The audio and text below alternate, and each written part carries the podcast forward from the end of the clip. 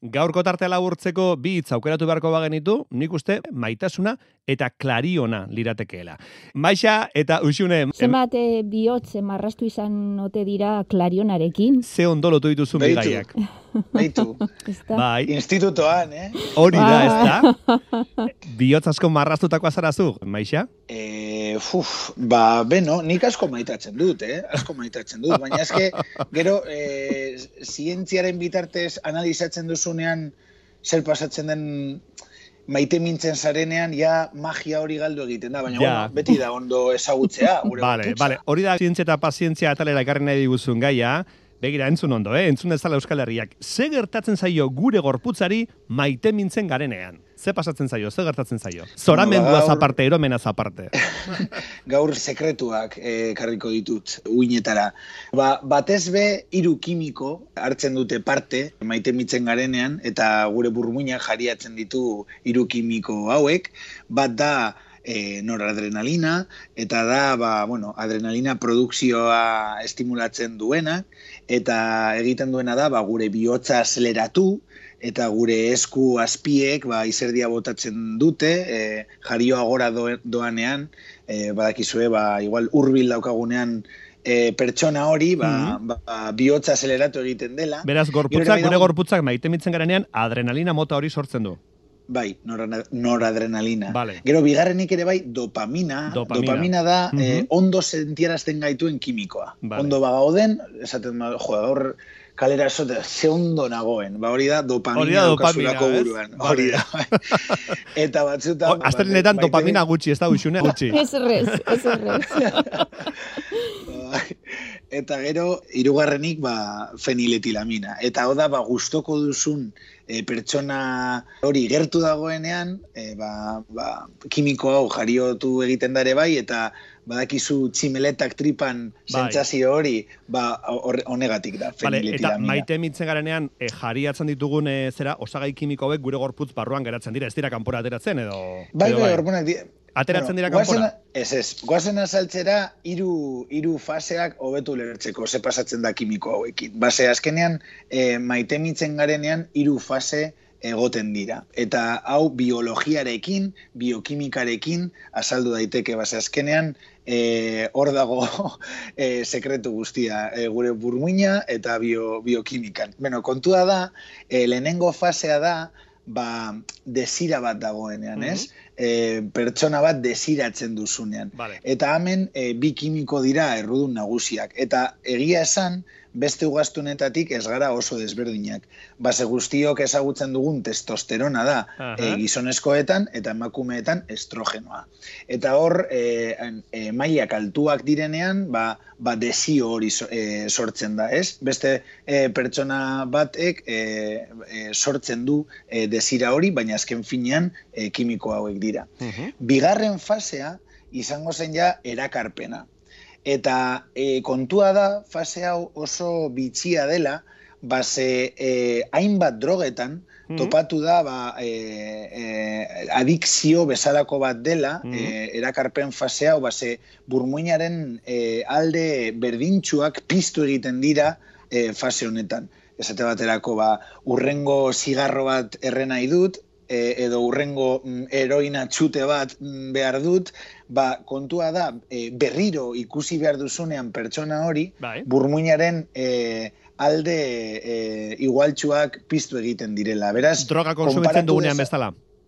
Hori da. Mhm. Kon, e, e, konsumitu baino gehiago da behar dugunean. Aha. Behar Vale, vale, erakarpen hori. Mhm.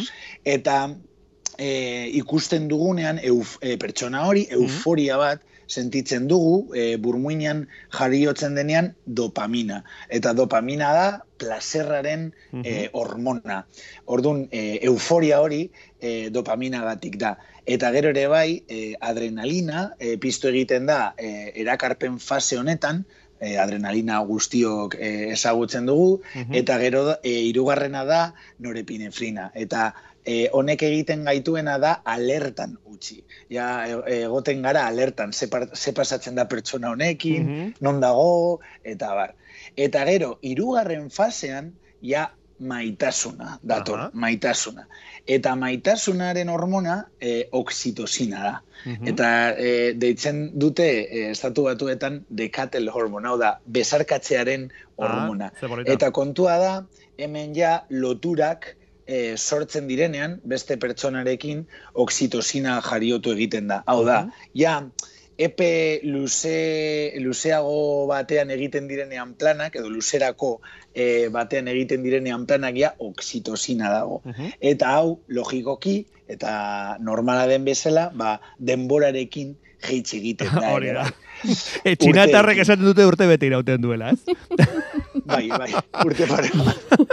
Baina, bueno, gero ja beste fase bat dago, baina ja, Ja. eh, maite mintze fase hori eh, horri agur esan behar diogu, Ja. ez? Beste fase batean eh, sartzen gara, askotan oso polita dena, askotan ez hain polita dena. Hor badago, esa hor- era txinatar bat askotan aipatu dugun hausun eta entzungo zenuten, ezta? Txinatarrek esaten dute egun batez zoriontsu izan nahi baduzu, mozkortu zaite, ezta? Egun batez zoriontsu izan nahi baduzu. Urte bete izan nahi baduzu zoriontsu, e, zera, eskondu zaitez. Eta bizi osoan zoriontsu izan nahi baduzu, jarri baratza. Gustoko dut, gustoko dut. Bero. Itzul gaitezen oxitozinara. Bai, bai, eh, honek esan nahi du ja, e, urtero urtero eskontzen bazaren, eta daten baduzun baratzean, ja, izango duzula bizitza bat, behar bada laburra, laburra, baina zoriontsua. Beno, e, gero ere bai, e, azaldu ditzazkegu ze faktore e, diren e, garrantzitsuak.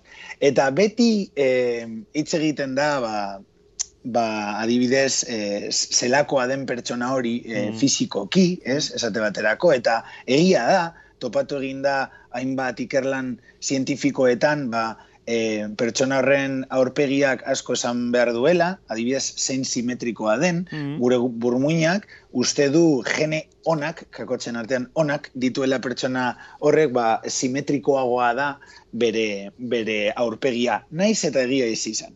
Eta gero, ere bai, e, adibidez, e, eskue, es, eskuetan, eskuek e, informazio asko daukate, esate baterako, eta oso bitxia da, e, gizonezkoa bazaren, Hmm. eta zure eskumako e, eskua ikusten baduzun, goiko partea, e, bigarren e, atzamarra eta laugarren atzamarra, hau da, indizea, eta laugarrena ikusten baduzuen, Bai. ba, laugarrena al, e, luzeagoa bada bigarrenarekin konparatuta, Mhm. hau da, laugarren atzamarra indizearekin e, konparatuta luzeagoa bada, Nerea luzeagoa honek ez, ba, honek esan nahi du e, e, orokorrean, umetokian, ba, testosterona e, maila altuagoak izan zenituela Mhm. e, kontrakoa pasatzen e, denarekin konparatuta. Mhm. Beraz, e, testosterona maila altuagoa e, euki zenuen, ba, ba, bueno, ba, zure amaren umetokian egon zinenean.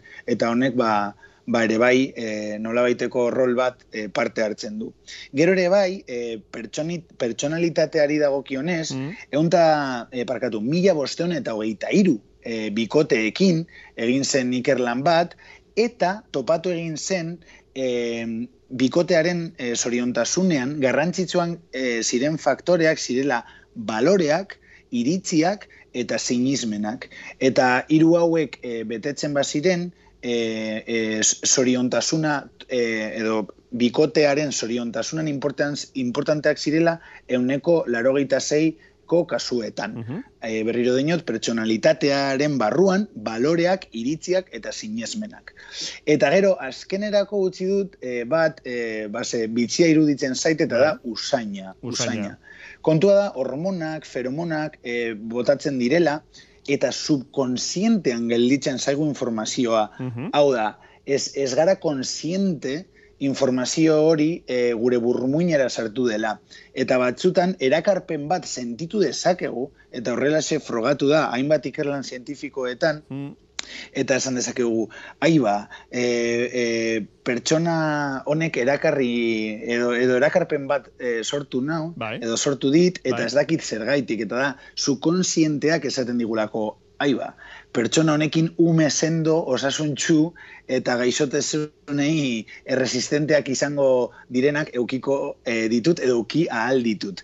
Eta hori ez da egia, baina Mm. gure burmuinak horrelase eh, uste du eh, hormona eta feromona horiek eh, usaintzerakoan. Beraz, usainare bai oso, oso garrantzitsua da eh, eh, maite mintze eh, fase hauetan. Baina nola esan duzu, Beraz- usaina lotu duzu umeekin edo umeen pensamenduarekin Bai. esan duzu? Ez, ez, umeekin ez. A ber, kontua da gure burmuinak Bai. subkonsientean Bai. eh, hormona eta feromona eh, jakin batzuk usaintzen dituenean, Eh. gure burmuinak esaten du pertsona honekin, beste pertsona horrekin, gustoko dugun pertsona honekin, ume, ume sendo, osasuntxu, Mhm. eta gaixotasunei er, erresistenteak eh, izango direnak euki ahal ditut. Ah, Hori da gure vale. burmuinak Vale, vale, pentsatzen duena, naiz eta askotan eh, egia ez izan. Mhm. Beraz, eh, hiru fase hoiek, eh, de, eh, lehenengoa desira, bigarrena erakarpena, eta hirugarrena eh, maitasuna, gogora dezagun desiran testosterona eta estrogenoa Bai. direla eh, eh, kim, kimiko garrantzitsuenak, gero erakarpen fase horretan dopamina, adrenalina eta norepinefrina, eta maitasunean, maitasunaren hormona oxitosina. Vale, Uxune, Beraz- ze, ze pentsatzen duzu Uxune, e, maitemindu horretik komeni dela azalpen zientifiko guztiak jakitea, edo ez, hobeda maite mintzea, eta gero, gero jakingo dugu ze pasatzen den atzetik. Bueno, egia esan, polita da jakitea, e, maite mintzearen atzean koktel e, biokimiko bat dagoela atzean, ez? Sekulakoa, ez? Olako edari magiko bat eh, ematen du, bain beste osagaiekin osatua dagoelako. Bai. Ba, ez da, Urrengoan, bai. urrengoan noiz, no, no, norbaitek esaten badit, mm, ze guapo zauden eneko esango hor- hori da, ba, e, e, e, zera, dopamina, adrenalina eta norepinefrina jariotzen ari zarelako gaur. eta ja alde egingo du. Da, ospa egingo du, usatuko duzu. bai, ro, rolloa moztu egiten duzu. Bai. bueno, esan dugu lehen hasieran e, maixak lotura polita egin du nola, eta Uxunerek ere komentatu du nola, e, instituto garaian, e, klariona erabilita, e, bihotzak marrasten ziren hainbat tokitan, hormetan eta bar. Eta honek lotzen du bait ere gaurko gure lehenbiziko gaia bigarrengoarekin. Esan dugu maitasunaz eta klarionari buruz hitz egin behar genuela, maitasunen azalpen zientifikoak eman dizkigu maixak, eta segidan Uxunek begiratu nahi du Ingalaterra aldera. Ingalaterran, dober inguruan badira e, itxaslabar batzuk oso bereziak. Normalean guk itxaslabarrak e, lotzen ditugu kolorik grisarekin, Bai, ilunarekin, bai. baina doberren itxaslabarrak e, zuri-zuria dira. Bai, bai hori. Zuri-zuriak. Eta e, izatez ere, aintzina, e, Inglaterra ezagutzen genuen albion izenarekin.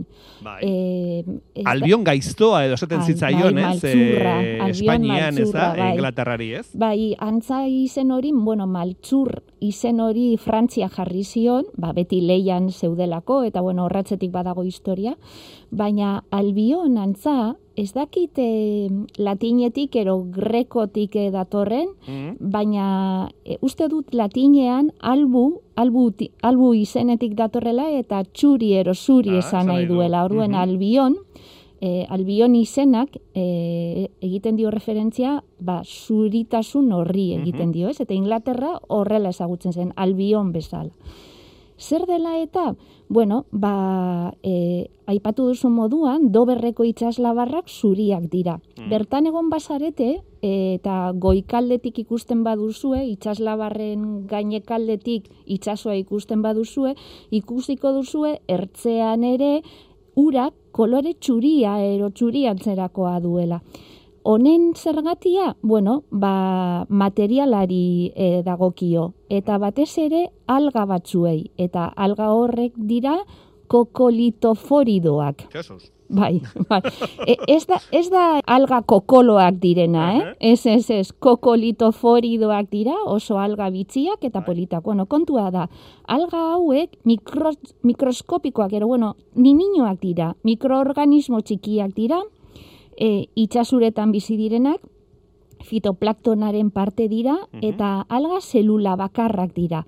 Eta horrez gain, e, alga hauek oskolak dute, hau da, e, oskoles osatuta daude. Eta euren oskolaren ezaugarria da kaltzio karbonatoz osatuta dagoela.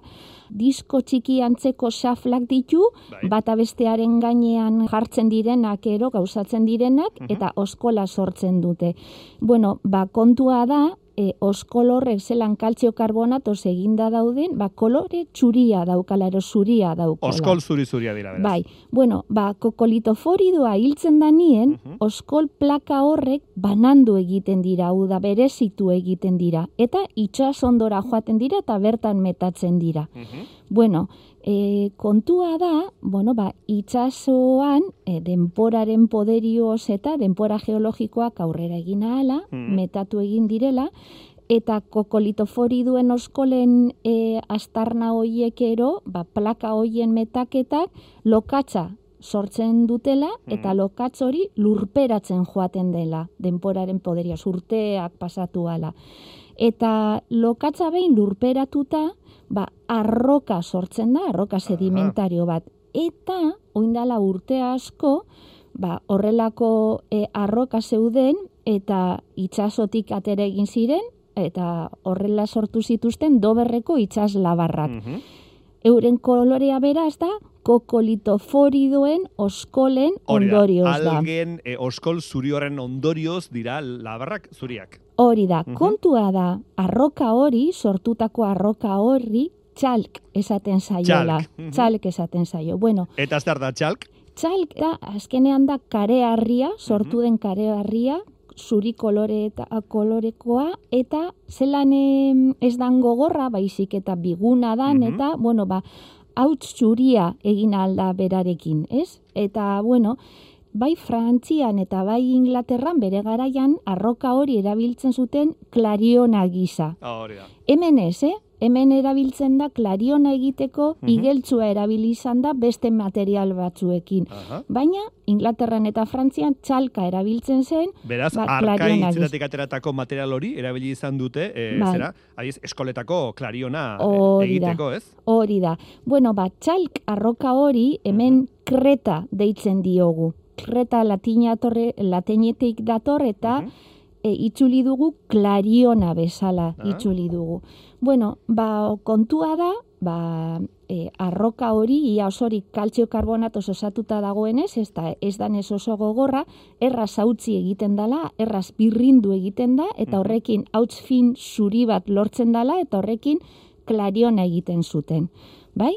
E, bueno, klariona badakigu e, jostunek eta erabili izan zutela ba, jantziaren gainean ba, neurriak hartzeko, Bai. Irakasleek eta arbeletan eta azalpenak eta idazteko. Bai, formulak idazteko, formula matematikoa. Beraz, askok, bueno, behintzat, hori, doberreko itxaslabarrek, ba, kolore zuria dute alga mikroskopiko hauengatik eta hauen oskolengatik eta gainera sortutako karearrizko eh, arroka horrekin, Mhm. ba, klariona egiten zuten. Bueno, beste kontu bada, e, arroka horren berezitasun bat da, ba, noiz sortu zen, ez? Ba, Mhm. periodo geologiko batei ere izena ematen diola kreta arroka ero txalk Mhm. arroka horrek, eta ematen dio kretazeoari. Hmm. Kretazeoa duela, ba, eunda berrogeta bost milioi urte, e, irurogeta milioi urte tarte horretan bitartekoa da, eta geologo belgiar batek eh, definitu zuen. Honek, kretazeo deitu zion, Bai. ba batez ere Paris inguruan em, azala, azaleratzen zen kreta arrokaren ugaritasunaren gatik ze. Ah.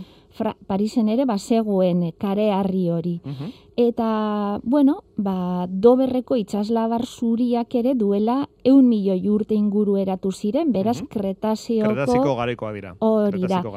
Eta sortu ziren, bueno, ba, iruronero lauren metroko sakonerako orduan ur beroa zegoen eta kristalesko itsasoa zen eta ondoa horretan, ba, kokolitofori duen oskolak metatu zirelako.